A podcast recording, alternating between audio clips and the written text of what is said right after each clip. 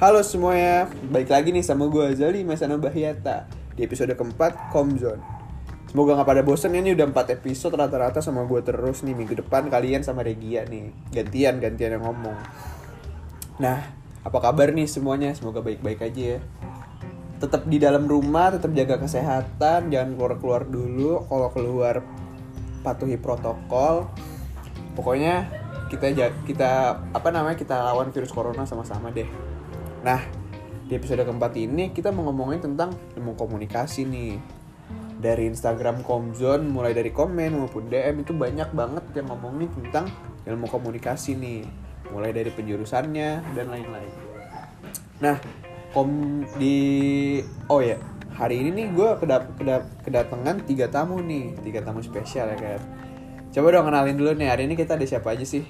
Hai, hari Hai Komzon, Iya. nama gue Putri Putri gimana? dari SMA Negeri 11 Bener 11. Kelas berapa sekarang Putri? Kelas 12 Kelas 12. Kalau temennya nih, Hai, nama gue Bening Prameswari dari SMA 11 juga, kelas 12 halo Bening. Satu lagi, Hai, kalau gue Erika, Erika Bunga Azahra Dari Erika SMA Bunga. 11 juga Erika. Halo Erika. Nah, Erika sama Bening tadi kita udah sempet ngobrol-ngobrol lah sebelum bikin podcast ini kan. Dan mereka nih berdua ini tertarik nih sama ilmu komunikasi. Nah, coba dong jelasin dulu sedikit nih garis besar tentang pahama, pemahaman lo tentang ilmu komunikasi. Iya, lo coba aja. Kalau gue Gue sendiri ilmu komunikasi itu Hmm, Terus terus. Kayak cuma tahu garis besarnya sih ilmu komunikasi namanya juga komunikasi ya kan Iya, komunikasi iya. kan itu berarti kita berinteraksi kita entah itu ngobrol atau kita message chatan atau anything itu kan namanya juga komunikasi Iya. kalau gue taunya cuma itu aja sih Garis besarnya. yes Kalau dari Erika gimana coba? Ya sama sih, kayak cuman ilmu komunikasi kayak buat eh, interaksi gitu kan Interaksi. Iya. Oke betul. Kalau Bening, Ya selain interaksi ada juga kan kayak belajar attitude iya betul Itu betul. kan Itu penting sih. Penting banget sih itu. Ya, Oke, berarti ada ketertarikan lah ya sama ilmu komunikasi nih. Nah, ada, ada nah sekarang gue mau ngejelasin nih tentang sedikit ya tentang ilmu komunikasi. Apa sih ilmu komunikasi itu? Belajar tentang apa sih ilmu komunikasi itu? Jadi ilmu komunikasi itu sebetulnya bener dari apa yang udah kalian ngomongin. Mereka itu ngomongin tentang apa namanya individualis, cara lo berbicara, cara lo bersikap, cara lo menghadapi orang dan lain-lain. Dan juga dia tuh ngomongin tentang orang-orang yang perilaku orang-orang yang ada di sekitar lo juga. Jadi kayak teori behaviorisme, teori kulturalisme kayak gitu-gitu. Kayak budaya pun itu masuknya ke dalam ilmu komunikasi. Nah sekarang gue mau ngejelasin sedikit nih tentang teori ilmu komunikasi tentang kayak kita ngobrol biasa deh nih yang simple ya. Gue nih sebagai sender, maksudnya sebagai sender itu gue yang ngomong nih orangnya kan. Kan gue ngomong nih sama lu nih, berarti ada pesan yang disampaikan dong, bener gak gue? Ada sempan, ada pesan yang gue pengen ngasih tau lu nih gitu kan. Nah, jadi di, setelah gue apa ngeluarin pesan, itu kan ada media nih. Nah, medianya itu tuh bisa berupa handphone, bisa berupa kayak gini nih ruang hampa. Pokoknya tuh media itu uh, apa hal apa pun yang membantu lo menyampaikan pesan kayak gitu. Nah, lo itu yang dapat pesan gue namanya receiver kayak gitu. Nah, biasanya nih di ilmu komunikasi itu ada juga namanya noise. Noise itu nih kayak gini ada bapak-bapak tuh kan berisik. Nah, itu namanya noise kayak gitu tuh. Noise itu adalah segala hal yang mengganggu lo untuk menyampaikan pesan lo kayak gitu. Garis besar sih ilmu komunikasi ngomongin kayak gitu. Gimana? Yang mau ditanyain nggak? Oke, kita masih kelas 3 nih ya. Ah, ah, betul. Kayak belum tahu itu gimana sih secara Kazaldi ini kan mahasiswa yang udah kayak gimana sih keseharian Kazaldi di kampus Oh, gitu. sebagai anak ilmu komunikasi. Asik, ditanya gue. Iya, Iya ceritain dong. dong Iya, pengalamannya Asik atau gimana? Parah. Ini Oh, bentar. stres atau gimana nih? Ada noise nih, nih tukang roti mau lewat. Enggak, enggak, enggak. Nggak jadi ya? Enggak jadi, enggak jadi, enggak jadi. Oke oke. Ngomong dari semester 1 ya. Jadi gue di Universitas Bakri nih semester 1 itu awalnya gue belajar das teori-teori dasar ilmu komunikasi. Kayak yang tadi gue kasih tau lo tuh, tuh namanya teori dasar. Lo tau gak gue tuh semester 1 juga belajar kayak keluarga nih kayak yang apa orang-orang terdekat dari kita lahir dan lain-lain tuh juga mempengaruhi karakter kita tuh gue juga belajar di Universitas Bakri dan kebanyakan tuh dosen-dosen di Universitas Bakri sorry sorry guys dosen-dosen di Universitas Iya. Bakri dosen-dosen Universitas Bakti itu rata-rata dosen-dosen praktisi. Jadi dia ngejelasin sambil memberi ka- memberi kasus contoh kehidupan nyata kayak gitu. Ini beneran praktek dong banyak praktek. Sebetulnya banyak kan praktek. Cuman kan waktu gue semester 1 gue mau ibaratnya masih belajar kan. Belajar teorinya dulu nih baru nanti semester ke depannya mulai mulai praktek nih. Kayak sekarang gue bikin podcast kan buat uas gue nih. Nah kayak gitu. Nanti selanjutnya nih di semester semester selanjutnya itu baru deh mulai. Lebih mendalam lagi. Ada tadi Erika mau masuk psikolog kan ya? Iya. ada juga tuh nanti di semester 3 deh kalau nggak salah di Universitas Bakri itu namanya psikologi komunikasi. Yang ngebahas tentang behavior manusia pola perilaku manusia cara berpikir manusia kayak gitu. Rata-rata. Nah ada lagi gak nih yang mau ditanya Ada. apa tuh mau ditanya? Boleh gak sih Ki? boleh lah. Ah, mm, kan baik banget kan mata pelajarannya iya mata pelajaran yang bikin lo kayak gila ini susah banget dan gue males banget sama wah ada ini." banget sumpah ada itu kayak gitu tuh pelajaran ilmu komunikasi ya Iya. Jadi di Bakri itu pelajaran ilmu komunikasi itu ada yang paling susah nih menurut gua. Namanya teori komunikasi. Karena teorinya itu tuh banyak. Banyak banget kan. Dan setiap teori itu bisa diaplikasiin sorry, bisa diaplikasiin ke berbagai macam kasus gitu. Nggak cuma satu kasus doang. Contoh deh, gue mau ngebahas sedikit tentang teori behaviorisme kan. Teori behaviorisme itu adalah sebuah teori yang mengatakan bahwa setiap hal yang lo lakuin secara rutin, setiap hal yang lo lakuin, maksudnya kayak udah terbiasa lah lo ngelakuin hal itu tuh lama-lama akan menjadi habit buat lo gitu kan. Kemarin kan di podcast pertama gue udah ngejelasin kan tentang Andika tuh, yang di mana dia deadliners, di mana dia apa namanya mager-mageran dan lain-lain. Nah di situ tuh dia karena sering melakukan hal itu, dia jadi terbiasa melakukan hal itu, jadi habit dia, behavior dia, perilaku dia tuh jadi kayak gitu. Nah itu kan teorinya satu teori dipakai dalam satu kasus kan. Cuman itu bisa dipakai di beberapa kasus lain yang masih berkesinambungan kayak gitu. Itu salah satu contohnya. Ada lagi contoh tadi kan gue sempat nyinggung juga tentang yang namanya media kan, Iya. Iya. Iya kan? Iya. Nah ada tuh namanya teori jarum suntik tuh. What the? Gak apa-apa, apa-apa. aneh kan namanya. Aneh banget. Teori jarum penasaran gak lo teori jarum suntik itu gimana? Apa tuh? Apa? Eh penasaran lah. Jadi tuh teori jarum suntik tuh basically ya ngomongnya tentang jurnalistik media Ah. yang di mana setiap jadi nih teori ini ngomong kayak kalau lo nonton berita nih lo disuntikin berita nih Oh berarti bukan su- alat suntik bukan lah itu secara Harfiah dong, gue nggak ngerti. Gimana, gimana? Bikin berita, Iya. saya biar buat kita fokus or something. bukan jadi nih lo disuntik misalnya nih ada berita nih tentang kebakaran gitu kan kebakaran di sini nah berita itu tuh lo cuma dikasih tahu berita itu cuma kan lo nggak ada di apa namanya nggak ada di TKP gitu Ah. Nah, jadi lu cuma disuntikin berita aja nih, berita kebakaran udah. Cuman lu cuma dikasih tahu informasi yang terbatas dalam media itu. Kayak gitu, salah satu contohnya kayak gitu. Jadi ibaratnya eh kebenarannya tuh tuh belum sepenuhnya Yeah. dikasih ke lo kayak Yeah. gitu.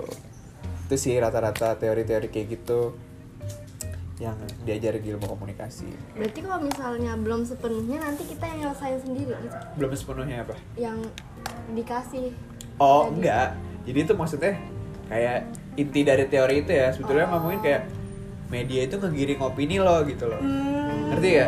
Paham, paham, Iya kan? paham. Jadi lu dimasukin terus nih Iya. berita A berita A lo jadi pikiran lo jadi kayak oh iya berita A bener kan? Bener kan berita A? Nah iya kayak gitu, ngapain ngelakson dia? Kira kita udah salah, kenapa nih? Iya nggak apa lanjut lanjut. Sorry guys ya banyak noise nih. Ada lagi gak yang mau ditanyain nih kira-kira tentang ilmu komunikasi? Yang banyak kan penjurusan Oh, maksudnya. penjurusan. Kayak gue lihat-lihat di Google gue ada jurusan Iya. PR, Hmm. terus marketing. kayak apa abis lulus kok eh, itu gelarnya tuh kayak banyak gitu itu apa aja sih kak? Gelarnya? Heeh. Kalau setahu gue ya, kalau kita lulusan ilmu komunikasi gelarnya itu walaupun penjurusan lu tadi kan ada ada tiga kan penjurusannya Iya. tuh oh ya gue belum ceritain nih. jadi di ilmu komunikasi itu ada tiga penjurusan nih Aha. yaitu PR, Markom, sama jurnalistik. Nah, untuk masalah gelar, mau apa pun penjurusan lo, lo tetap sarjana ilmu komunikasi, Eskom, bukan sarjana Markom apa-apa gitu. Itu cuma kayak lo cuma ibaratnya lo lebih pro di bidang Markom dan lain-lain kayak gitu. Nah, kan tadi udah gue singgung nih tentang ketiga penjurusan kan. Jadi kalau di Bakri sendiri itu penjurusannya itu dimulai dari semester 3 jadi di semester 1 2 tuh ada namanya pengantar eh, PR, pengantar markom, pengantar jurnalistik. Jadi ibaratnya lo pilih nih lo paling cocok masuk ke mana kayak gitu kan. Sekarang gue jelasin satu-satu deh tentang markom dulu kali ya. Nah, pengantar markom eh pengantar markom, penjurusan markom itu tuh uh, singkatan dari marketing communication yang di mana nanti itu kita uh, ngebahas atau ngejelasin tentang brand gitu ngerti gak lo? Jadi kan uh, kira-kira kerjanya tuh bakal jadi agensi. Agensi tau kan agensi? Tahu. Nah, jadi markom itu tuh kerjaannya ya atau pembelajarannya ya gimana caranya lo narik audiens, gimana caranya nih lo lihat nih kenapa nih logo misalnya logo Gojek, logo Gojek kan sempat ganti tuh. Kenapa sih nih logo ganti? Berarti kan ada kayak ibaratnya uh, faktor-faktor yang buat itu ganti kan. Kayak gitu sih. Markom tuh uh, garis besarnya tuh ngomongin tentang marketing, pemasaran dan juga ibaratnya kayak gimana caranya kita ngedapetin audiens maksudnya menentukan apa yang customer mau kayak gitu. Ada yang mau ditanyain nggak? Tentang tentang kan tadi ngomongin marketing nih Iya. marketing lah ya kan Iya. pemasaran berarti kan mau nggak mau kita sebagai mahasiswa harus bisa ngedesain desain produk atau sesuatu gitu Iya Sebe- betul. sementara gue sendiri nih ya Hmm. nggak ada tuh dasar-dasar bisa ngegambar Mm-mm. gitu loh terus nanti Gimana di- gitu? iya di nggak apa-apa nggak usah takut kalau kayak gitu nanti tuh di Bakri tuh di semester 2 itu ada namanya jurusan DKV tau gak DKV tahu Nah. itu gue liat di tik- tiktok tiktok Ah, yang TikTok. gambar-gambar apa gajel gambar-gambar apa sih itu namanya Garis abstrak ab- abstrak abstrak abstrak, gitu. abstrak kayak gitu Enggak, enggak. Lebih kalau misalnya Markom tuh enggak kayak gitu. Itu namanya mungkin keseni kali ya. oh oke Kalau di cafe itu kita belajar basic kayak misalnya edit Photoshop, edit di Canva kayak gitu-gitu. Gimana caranya nih kita bisa bikin presentasinya menarik gitu atau misalnya kita bisa bikin logo atau misalnya desain produk dari suatu brand kayak gitu. Lebih kayak lagi kan juga kalau misalnya eh, di Photoshop dan lain kan lo nggak ngegambar kan, lebih Iya kayak sih. lo udah ada template-nya nih kayak gitu kan. Ada lagi yang mau ditanyain? Gimana gimana? Erika, coba ada yang mau ditanya Erika? Tentang Markom nih Kalau mapel yang paling susah eh paling seru itu apa sih? Di Markom? Iya. Kalau di Markom ya Markom tuh rata-rata seru banget Gue juga jujur, gue sendiri juga mahasiswa Markom kan Nih kayak sekarang nih, was gue suruh bikin podcast Ya kan, daripada lo bikin ngerjain proposal dan lain-lain ya kan Mending lo bikin podcast Jadi tuh kalau misalnya pelajaran dibilang pelajaran paling seru Biasanya nih uas-uas gue, UTS-UTS gue tuh bikin event Hmm. Kayak gitu. Di Markom ini nih ditekanin kayak lo harus bisa bikin event lo harus kayak ibaratnya kreatif industri lah. Kan asik kan maksudnya nggak under pressure cuman lo bawa have fun aja Iya, gitu. iya. nah iya kayak gitu rata-rata sih Markom kayak gitu. Udah. Ada cukup lagi? jelas di mak asik. ya. kayak lo Putri? Lanjut kali ya Lanjut, ke lanjut. penjurusan kedua nih tentang Iya. public relation. Nah public relation itu apa sih sebetulnya? Public relation itu adalah eh, apa namanya? Jadi tuh dia lebih ke penjurusan gimana caranya lo mempertahankan citra baik suatu perusahaan gitu kan. Misalnya nih perusahaan lo ada kayak kemarin deh Sriwijaya Air jatuh kan. hancur dong namanya Iya. nah itu PR-nya gimana? Caranya tuh PR-nya naikin nama Sriwijaya Air lagi. Nah kalau misalnya lo ngomongin kayak gitu kan berarti kan ada beberapa cara dong. Salah satu caranya mungkin lo kasih diskon murah kasih jaminan keselamatan kayak lo bikin apa campaign kampanye tentang nggak apa-apa kok naik Sriwijaya Air. Kemarin kita ada kesalahan ini kita nggak akan mengulangi lagi bla bla bla. Pokoknya itu gimana caranya lo bikin masyarakat tuh jadi kayak tertarik lagi nih sama Sriwijaya ini. Kayak gitu. PR tuh namanya public relation. Gimana ada yang mau ditanyain nggak tentang public relation nih? Mungkin lo udah jadi dengar penjelasan gua lo kayak ah public relation tuh nanti kerjanya ngapain lagi sih? Bla bla bla gitu.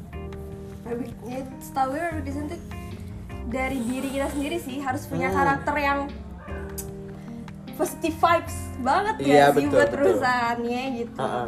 Emang penampilan tuh kalau untuk public relation ya, itu dinilai banget karena secara nggak langsung kan lo ini kan apa namanya mencerminkan perusahaan kan. Iya. Iya. Nah, udah tuh. Itu Pak PR tuh sama yang terakhir. Lo mau nanya lagi, Put? Enggak sih udah. Udah. Cukup. Kira mau nanya lagi. Oke, lanjut ke terakhir apa? Jurnal ya. Jurnalistik tuh luas banget pokoknya. Kenapa? Kayak jurnalis itu susah nggak sih? Nggak menurut lo jurnalis Ah. itu susah nggak sih? Menurut Gitu. gua. Iya. Kalau dibilang susah sih enggak tergantung passion masing-masing. Kan tadi gue udah bilang itu. Ah. Jurnalistik itu kan, nih gue jelasin dulu apa jurnalistik ya. Jurnalistik itu dia kalau misalnya masalah kerjanya nanti tuh dia bisa jadi wartawan, news Iya. anchor dan lain-lain. Basic yang apa yang lo pelajarin di jurnalistik itu ya lo gimana cara lo buat berita, bikin naskah berita, cara baca bikin cara baca berita, cara lo ngambil informasi dari media gitu kan. Berarti kan kalau lo jurnalistik lo nggak bisa dong kena teori jarum suntik gitu kan Mhm. lo harus berpikiran kritis nih ini hoax apa enggak Iya. gitu kan pokoknya ibaratnya lo harus memerangi banget deh hoax plagiarisme dan lain-lain kayak gitu Jadi menganalisis menganalisis lah ya Iya, gitu, menganalisis. kasus nah betul itu biasanya jurnalis banget tuh jadi lo nanya apa sebelumnya? Nanya apa lo tadi? Susah. Oh susah agak jadi oh iya. Gue juga dulu pernah dapat pengantar jurnalistik kan. Sekarang pun gue juga ngambil sebetulnya. Satu matkul jurnalistik. Enggak, gue bener deh. Penjurusan itu kita bisa bebas ngambil apa aja yang kita iya mau atau bisa bebas harus semuanya diambil? Enggak, nggak harus nggak bisa semuanya diambil. Lo mau lulus berapa tahun? Gue kira gue kira kayak mahasiswa abadi. Gue kira kayak maksudnya kayak IPS gitu kan kayak semuanya diambil gitu. Hmm. Enggak, enggak, jadi tuh- cuma kayak misal ekonomi geografinya aja yang Hmm. diambil gitu. Enggak, sebetulnya kalau tadi kan gue udah bilang ada tiga kan? Heeh. Nah di kalau di narasi bakri itu di semester 2 lo dijelasin nih. Nih PR itu kayak gini, markom itu kayak gini, jurnal ini kayak gini. Heeh. Nah lo masuk yang mana nih? Kira-kira yang lo cocok gitu loh. Misalnya kayak gue suka banget nih baca berita, gue suka banget nih sama politik bla bla bla. Ya berarti lo masuk jurnal. Nah misalnya gue suka banget nih bikin desain, gue suka banget bikin campaign, gue suka banget bikin event, nah ya, lo masuk markom. Ya kalau misalnya kayak lo orangnya orang elegan ya kan, maksudnya kayak ibaratnya lo rapi, lo Iya. apa appearance lo penampilan lo tuh oke gitu kan terus lo kayak kalau misalnya ngomong tuh jelas bla bla bla. Ya lo bisa masuk PR gitu. Maksudnya tergantung lo juga. Tergantung karakter kita sendiri gitu. Nah, kalau dibilang susah atau enggak ya setiap jurusan tuh punya kelebihan sama kekurangannya masing-masing gitu kan. Kalau tadi lo bilang jurnalistik susah menurut gua sebagai orang markom ya lumayan. Karena ah, gue ada namanya news anchor kan matkul gue news anchor. Jadi tuh lo suruh baca namanya prompter. Tahu prompter gak tahu prompter gak tahu, tahu. tahu. Kan? Yang di berita-berita itu kan Iya. sih? Iya yang di cepet. Nah. Gitu kan? Nah. Iya. lo kan ibaratnya kalau baca prompter nih lo harus tegak ya kan? Iya. lo nggak boleh senyum nggak boleh apa Iya. apalagi kalau berita-berita yang serius gitu Iya. kan tapi baca cepat lo nggak bisa typo mata lo nggak bisa salah baca terus Iya. intonasi lo juga harus harus jelas. Mm-mm, harus ngikutin sama beritanya kayak gitu. Nah itu menurut gua agak tricky susah juga. Nah itu kelebihan kekurangannya sih di situ biasanya. Kalau markom kelebihannya ya lo kreatif industri asik dan lain-lain. Cuman wah deadline-nya pak. Gokil. Kalau PR kalau misalnya krisis lo gede banget ya susah ngebalikin. Kan kepercayaan orang tuh susah didapat lagi gak sih? Iya. nah iya kayak gitu sih rata-rata. Tuh kelebihan kekurangan itu kayak gitu. Garis besar nih. Nanti minggu depan kita perdalam lagi tiap jurusan. Oh, Gitu. makanya dengerin podcastnya terus. Lanjut lanjut. Semester berapa kak? Lima sekarang. Berarti kan sarjana nih kamu Iya. mau ke mana sih? Mau ke mana sih? Apa nih maksudnya nih, mau Abis ngambil- ini. abis lulus mau ke mana? Abis lulus mau mau ke mana ke TV kah? Mau ke mana oh kah? maksudnya sebagai gue anak ilmu komunikasi Iya. Bakri dan Markom gue mau kerja di mana nih nanti gitu kan? Iya. Pada tahu production house gak pernah denger sih. Pernah dengar dari CTI kan sih? RCTI juga ada production house nya Dia pernah dengar? Pernah dengar? Pernah dengar gak production house? Itu film. Itu perfilman gitu. Perfilman gitu. Ah, oke. Jadi gue sebetulnya juga sempat magang kan Mhm. di production house yaitu gue bikin iklan nih buat Wardah. Ah. nah itu Markom tuh di situ kerjanya. Lo bisa jadi agensi lo bisa jadi PH pokoknya basically tuh kerja lo asik banget. Cuma kalau lagi kecot nih kalau lagi problem lo pusing banget. Kayak gitu. Iya. wajar sih sebetulnya. Nah di gue cerita sedikit kali ya tentang Iya. magang gue nah gue tuh pas itu kerja di production production house sebagai astrada asisten sutradara Wow. nah Wow, berarti cukup nilai yang bagus ya untuk magang. lumayan Wah, alhamdulillah Alhamdulillah. Iya. Semoga UAS ini bagus Amin. juga dong. Ah, Emis jangan lupa. Nah, udah kan. Singkat cerita nih, gue pas itu gue kerja di APH tuh gue awalnya bingung kan, maksudnya kayak gue belajar nih, cuman apa yang gue pelajari tuh kalah sama pengalaman-pengalaman orang-orang ini nih. Iya, iya. Lo bayangin sutradara gue orang akuntansi, ya kan? Gak ada gak ada jelas-jelasnya iya. Nah jadi tuh di apa namanya di production house ini gue sebagai markom gue tuh ngeliat jadi tuh Wardah itu mau ngeluarin produk baru nih produk kecantikan. Nah ternyata tuh gue sebagai asrada gue belajar juga kenapa sih Wardah ngeluarin produk ini gitu kan. Mhm. Nah alasannya ternyata karena kita lagi WFH lagi work from home. Nah lagi work from home gini kan. Jadi kita apa namanya lebih sering ini kan apa namanya ngelihat layar tuh Iya. kayak main HP, main laptop dan Iya. lain-lain. Nah ya udah kan jadi intinya setelah karena lo ngelihat layar itu ada namanya sinar UV. Ya kalau kebanyakan diserap muka itu tuh bikin kusam muka lo. Iya. Jadi kelihatan capek. Namanya. Iya kayak gitulah. Singkat. Nah udah kan akhirnya pro, si Wardah nemu nih problemnya. Oh kayak gini nih problemnya. Berarti kita butuh produk yang bisa nangkal uh, UV screen ini. Baru dia dibuat produknya kan. Terus habis gitu nih iklannya mau dikemas gimana gitu kan. Iklannya tuh mau dikemas gimana.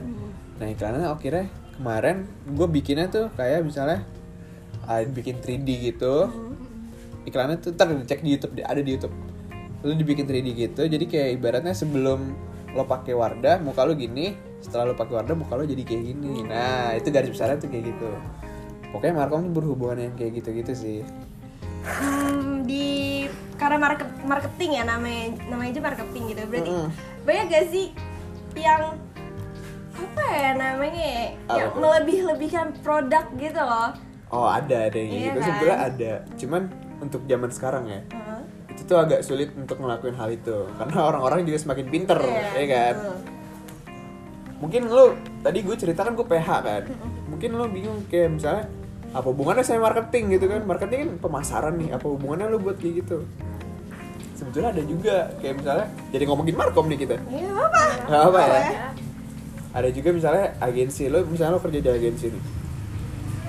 Ada namanya gue tuh uh, mata kuliah namanya pemasaran strategik. Mhm. jadi tuh dia mata kuliah itu ngajarin gimana caranya lo buat brand dari awal gitu loh kayak dari nama logo kayak target audience bla bla bla detail secara detail. Jadi nanti kalau ketika lo udah kerja lo bisa pitching. Tau pitching gak Enggak. pitching itu lo kayak apa namanya nyari dana. Misal lo pu- mau buat toko kopi nih atau apa lo butuh dana ya lo presentasi kan? Itu namanya pitching kayak gitu. Dari budgeting dan lain-lain itu jelas. Nah itu pemasarannya di situ. Kan kayak lo harus ngomongnya juga nggak boleh terbata-bata kan dan lain-lain. Nah kayak gitu sih rata-rata. Hmm, susah, agak susah ya sebenarnya susah cuman Butuh kreativitas di otak. asik nggak? Gak hebat lo Kalau kalau nggak ada kalau anaknya nggak kreatif banget nih susah, Susah. gitu loh. ini masuk jurnal ya Nggak juga. Enggak sih. juga Udah kita public relation aja yang elegan, bawa positif vibes aja ya nggak sih? aduh terus ada gimana Erika ada yang mau ditanya nggak kalau mau masuk Kilkom nih Lo nggak, lo lebih tertarik Ah. di antara ketiga itu Iya apa? Kira-kira masuk mau mana? masuk PR kah?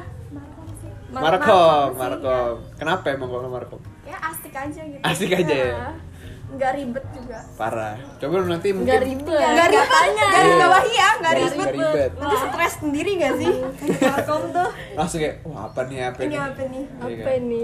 Coba lihat minggu depan kan kita ada podcast tentang PR jurnal sama Markom lebih mendalam kan. Coba lu dengerin siapa tahu ntar pikiran lu berubah. Nikmatin aja dulu. Ini kalau bening gimana? Sama Lebih- sih, Mar. Markom. Iya. Iya, karena gue anak Markom jelasin ya kan. Iya. Enggak. Tadi kita ngomongin Markom. maksudnya lumayan bisa lah ngedesain desain. Oh gitu.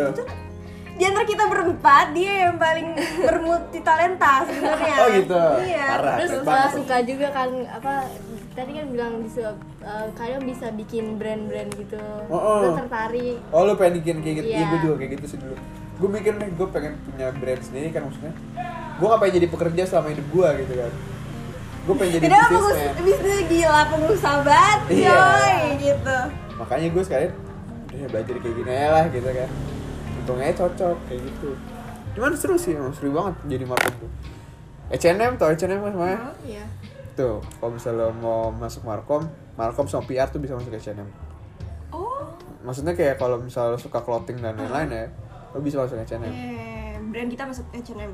Mm-mm. enggak maksudnya lo kerja di H&M Oh, gua kira kita bikin brand terus brand kita H&M. collab gitu sama Iya. H&M mantep banget tuh Gila kali gue.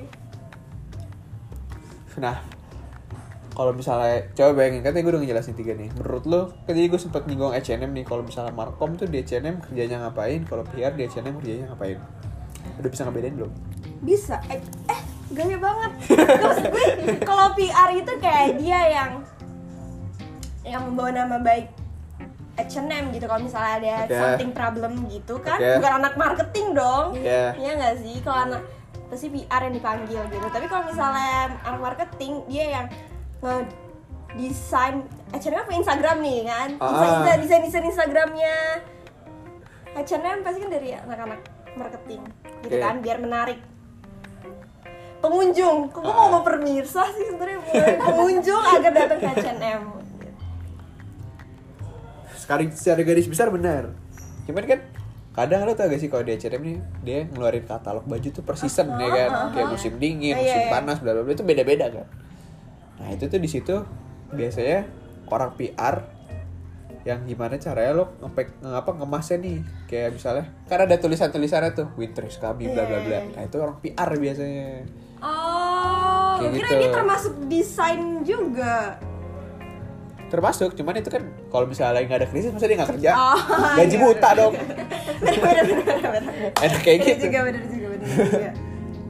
Selain selain kalau misalnya dia lagi ada krisis untuk kalau PR itu selain lagi ada krisis untuk dia memperbaiki masalahnya PR itu juga kalau lagi nggak ada apa-apa ya lu gimana caranya nggak improve apa perusahaan lo lebih bagus image-nya kayak gitu. Kalau anak Markom lebih kayak ke di tadi yang lebih lah benar Instagram desain dan website dan lain-lain itu lebih kayak anak Markom kayak misalnya lo mau template-nya gimana sih? Background color-nya mau apa dan lain-lain. Kayak uh, misalnya Instagramnya tuh harus sama sama kayak Fitsnya harus- nah fitsnya tuh harus sama kayak iya. warna H&M. H&M kan merah putih Iya, kan iya. kayak gitu-gitu tuh anak Markom semua di kerjaan. Kerjaannya biar estetik. iya estetik. sesuai dengan coba ya anak-anak estetik masuk marketing. kayak bisa aja. Kayak gitu rata-rata. Ada lagi mau ditanyain? Kayak guys gue kayak dosen tau gak sih? Lu buat podcast ini namanya. Karena kebetulan kita bertiga kan masuk ilkom nih. Oh, gitu. dapat pahala besar menjelaskan tentang ilmu komunikasi gokil banget ya. Bisa lah dipertimbangkan yang sebakri kan? Wow coba lu bayangin nih kampus mana lagi yang punya lantai 90 Gila yang Bakri doang. Bakri doang. Tapi pada tahu gak sih bakri gimana Enggak. Nggak apa-apa ngomongnya tahu gak? Enggak. Nggak tahu. Enggak tahu. Jadi tuh lokasinya ya? Iya. Lokasinya itu di tengah tengah pusat Jakarta. modernisasi Jakarta. Waduh Waduh Waduh Waduh Waduh Waduh tahu kokas? Kokas? Tahu. sampingnya bakri. Tahu kan? sumpah. iya serius gue gue tuh kalau ke kos tinggal ngesot doang. Kepleset nyampe. iya. Parah. Gue semua gue baru tahu Bakri sih. Di kuningan. Lo tahu ini gak epicentrum? Daerah Tahu, tahu, epicentrum tahu. kan? Pernah gak ke sana? Ya lewat doang sih. lewat doang? Lo pernah ke epicentrum? Pernah ke epicentrum? Tahu. Tahu doang? Tahu. Lo pernah kan? Pernah. lo tahu gak suasananya gimana? Tahu sih. kayak di Singapura kan? Iya. ya lo lihat tuh. Bakri tuh uh. Gila. Gila Gak nyadar. Kalau ada di situ. Dia tuh di jalanan deket Bakri tuh bukan semen gini lantai itu lo Marmer sih kalau Iya, bisa marmer. Iya gak sih? Marmer. Kayak Singapura gitu bener-bener. Kan nggak tapi serius. Mungkin kalau misalnya di Bakri tuh Ilkom memang menonjol banget karena akreditasinya udah A kan dan dosen-dosennya juga praktisi semua. Ya lo dikasih tugasnya sesuai dengan kerjaan lo masing-masing kayak gitu. Untuk masalah pekerjaan dan lain-lain menurut gua eh, swasta apalagi Bakri gitu tuh nggak menutup kemungkinan untuk lo sukses gitu. Kayak gue tiba-tiba gue masuk PH nih saya kan gue anak UI Gila Gila Gila. Kayak gitu. Jadi baik lagi ke gimana caranya lo ngedevelop diri lo sendiri gitu. Memanfaatkan apa yang udah ada. Kayak gitu. Jadi langsung daftar aja kali ya? Boleh boleh boleh. Langsung aja gak sih kita. Oke lanjut. Gimana lagi yang mau ditanyain? Satu sebelum masih lama masih lama. Oh, masih lama? iya. Apa sih? Gitu kan waktu SMA nih lulus nih Oh, kan. gitu. apa sih kok tiba-tiba langsung yaudah deh gue ilmu komunikasi aja. Oh, gitu. Kenapa- apa sih apa sih gitu. Testimoni ya berarti. Iya. Jadi kan gue SMA gue IPA kan. Demi apa sih? Demi Allah gue IPA gue baru tahu. tahu. Sumpah gue baru tahu loh Pak gue IPA terus gue mencoba untuk masuk pertama teknik industri. Gila. Lalu teknik sipil. Gila. Gue menyadari. Jadi kenapa tuh? Kekurangan. Kekurangannya. kekurangannya. Bahwa hitung-hitungan tuh gue nggak bisa. Maksudnya bukan nggak bisa kayak gue nggak gue bisa hitung-hitungan apalagi hitung duit ya. Kan iya. Paling jago gak sih coy? Nah tadi kalau misalnya hitung hitung hitungan rumus dan lain-lain lebih susah kayak turunan bla bla bla itu gue deh. Siapa Berarti di mau Ilkom- pulang. Ilkom gak ada Ilkom ada cuma untuk statistik doang. Oh oke. Nggak susah susah banget? Ya Susah basic oh basic. Cuma itu doang. Jadi kalau di Ilkom tuh nih gue tuh di, dijelasin kan lo lebih kayak diharapkan nih sebagai lo sarjana ilmu komunikasi ya kan nanti lulusnya itu ya lu lebih lah daripada orang-orang lain. Karena kan kalau misalnya misalnya deh contoh nih gue. Gue lulusan sarjana ilmu komunikasi. Katanya gue kerja di perusahaan teknik sipil nih misalnya. Iya kan?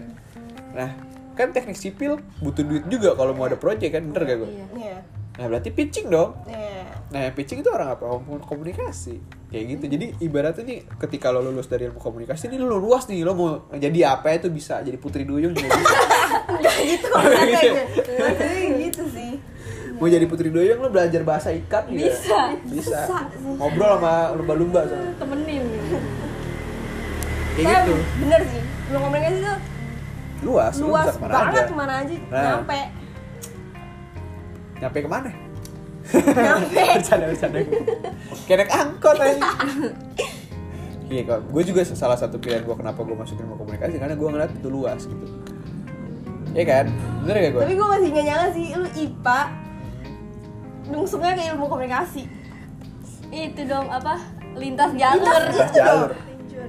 injur gue iya. Karena gue baik lagi kan ke passion masing-masing ya kan sih kalau misalnya ada orang yang emang otaknya tuh lancar gitu loh maksudnya bukan dalam lancar artinya kayak lu suka nih apa yang Iya. yeah. gue tuh gak suka gitu Iya sih karena anak zaman sekarang ya maksudnya kayak gue sebagai gue sendiri nih gue juga lebih suka nongkrong ketemu Iya. orang dan lain-lain gitu kan dan berarti cocoknya berarti lo kreatif industri Iya.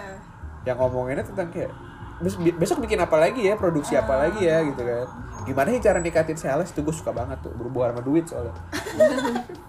Berbau duit langsung otaknya lancar. Iya. Nggak sih? Nah menurut gue komunikasi tuh menje- menjembatani gue untuk situ gitu loh. Iya dan ketika gue masuk ke Universitas Bagri juga oh ternyata emang kayak gini nih. Apa yang gue mau? Gitu. Semoga aja ya gue cerita kayak gini supaya lo jadi pemikiran lagi nih. Jangan-jangan ketika gue udah cerita eh gue kayak gak cocok di komunikasi nih. Gue pengen masuk psikolog nih atau gak gue pengen masuk geografi nih bla bla bla. Gitu. Benar sih benar tapi kayak membuka penglihatan gue ke ilmu komunikasi. Nih berarti dari, dari lahir merem. Nggak gitu. Oh gak gitu. Jadi kayak ilmu komunikasi yang tadi lo tentang pengalaman kayaknya seru juga sih. Emang seru banget pak. Seru banget sih. Parah sih Berarti lu emang. jadi makin minat ya Sam? makin minat makin mikir juga makin harus menambah kreativitas diri. Asik. Ntar gue tambahin ntar gue tambahin. Tolong ya ditransfer energinya. Anjir, boleh lah kalau misalnya masuk ke Mas Bakri. Terus aku mau nanya nih kak, Boleh kalau dong. misalnya ilmu komunikasi itu biayanya termasuk mu, apa sih? Termasuk murah apa mahal sih? Oh gitu. Heeh. Kalau masalah biaya ya di Iya. Universitas Bakri itu di Universitas Bakri itu ditawarin banyak banyak banget episode kan. Eh, episode lagi gue. banyak banget episode sih. ada iklan sorry, sorry, sorry. ya? Ke distract, ke distract. Di Bakri itu ditawarin banyak banget namanya beasiswa. Gue sendiri tuh juga gue beasiswa kan. Hah? Gak tau lo ya? sumpah Iya, gue beasiswa. Ya pasti ibaratnya kan lo, iba, gue tuh dulu kan anak IPA kan. Mm-mm. Walaupun segoblok-goblok kayak gue rumus nih, masa sebodoh-bodohnya gue rumus, gue masih bisa lah kayak apa otak gue masih jalan gitu kan. karena udah terbiasa ngitung jadi gue ya pas tes psikotes dan lain-lain itu gue lancar alhamdulillah gue dapet beasiswa kayak gitu lumayan murah sih beasiswanya per semester tuh kalau bisa lo tergantung nih lo ambis apa enggak nih kira-kira Diam. mau lulus tiga setengah tahun apa empat tahun apa mau 8 tahun Enggak dong. oh enggak ya kelamaan ya? dong. keburu jadi Apa ya? ini? Mahasiswa abadi di Bakri. Jangan, jangan. Iya, gue tuh udah, gue tuh alhamdulillahnya, gue juga termasuk yang kayak ibaratnya santai. Yang penting jangan ngulang gitu loh. Betul sekali. Iya kan? Iya, benar-benar. Jadi gue di Universitas Bakri tuh eh, karena gue dapet beasiswa dan lain-lain, potongan gue juga jadi banyak. Tergantung lo juga sih, lo dapet pokoknya tuh setahu gue ya dulu tuh gue masuk Bakri tuh ada ini apa namanya? Kayak gemilang, cemerlang sama apa gitu ada tiga beasiswa. Oh. Gue dapetnya paling atas. asik banget. Tidak ini ya beasiswanya sama kepribadiannya jauh banget ya Zaldi ya, ya. Allah. Nah, kayak gitu. Jadi sih kan, ini gue kasih perbandingan aja ya. Misalnya lo nggak biaya, nggak beasiswa, biaya lo sekitar 15. Misalnya, beasiswa menengah 13. Beasiswa yang keduanya misalnya 9. Nah, beasiswa gue ya cuma 7 kayak gitu. Kan lumayan banget kan dengan experience yang lo dapet di mana-mana.